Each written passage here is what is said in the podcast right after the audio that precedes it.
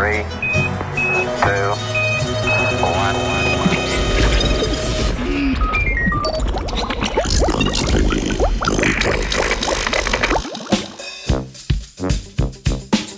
Pozdravljeni.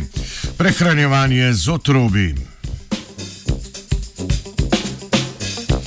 Brazilski znanstveniki in znanstvenice so v reviji Food Science and Technology objavili članek, v katerem so ugotavljali, kako bi lahko stranski produkt pri predelavi koruze, v tem primeru otrobe, vključili v človeško prehrano.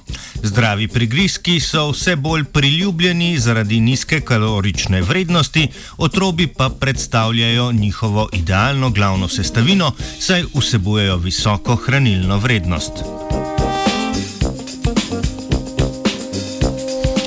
Pomemben del človeške prehrane so žitarice in izdelki iz leteh, kot je naprimer moka. Koruza je ena izmed najbolj popularnih in pogosto predelanih žitaric na svetu. Sledita ji riž in pšenica. Ker se je globalna predelava koruze močno povečala, se je posledično povečala tudi količina ostankov, kot so naprimer otrobi. Prehranska industrija zato išče načine, kako ostanke čim učinkoviteje vključiti v človeško prehrano. Otrobi so trdni zunanji ovoji semen žita. Pridobivamo jih z odstranjevanjem semenskega ovoja katere koli žitarice pri mletju. So tudi pomemben vir vitamina B1, beljakovin, železa, fosforja, magnezija in cinka. Otrobi vsebujejo veliko prehranskih vlaknin, to so ogljikovi hidrati, ki jih človek ne more prebaviti z lastnimi encimi.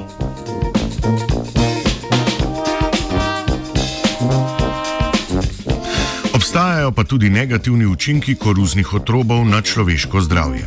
Vsebujejo namreč inhibitor tripsina, to je encim trebušne slinovke, ki pospešuje presnovo beljakovin v manjše molekule.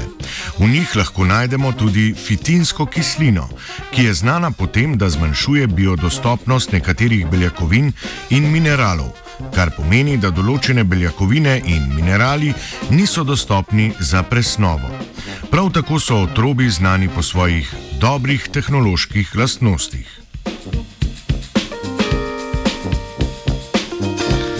Ploščice s koruznimi otrobi, ki so bile razvite za potrebe te raziskave, so vsebovale 90 odstotkov manj nasičenih maščob, 60 odstotkov manj soli in 30 odstotkov manj energijske vrednosti kot ostale beljakovinske ploščice na trgu.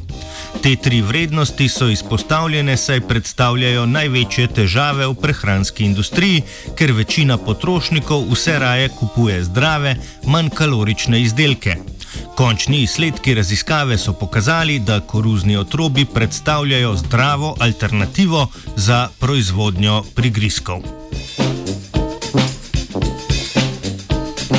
Dodatnih prehranskih vlaknin se veseli črevesje vajenke Jane. Three,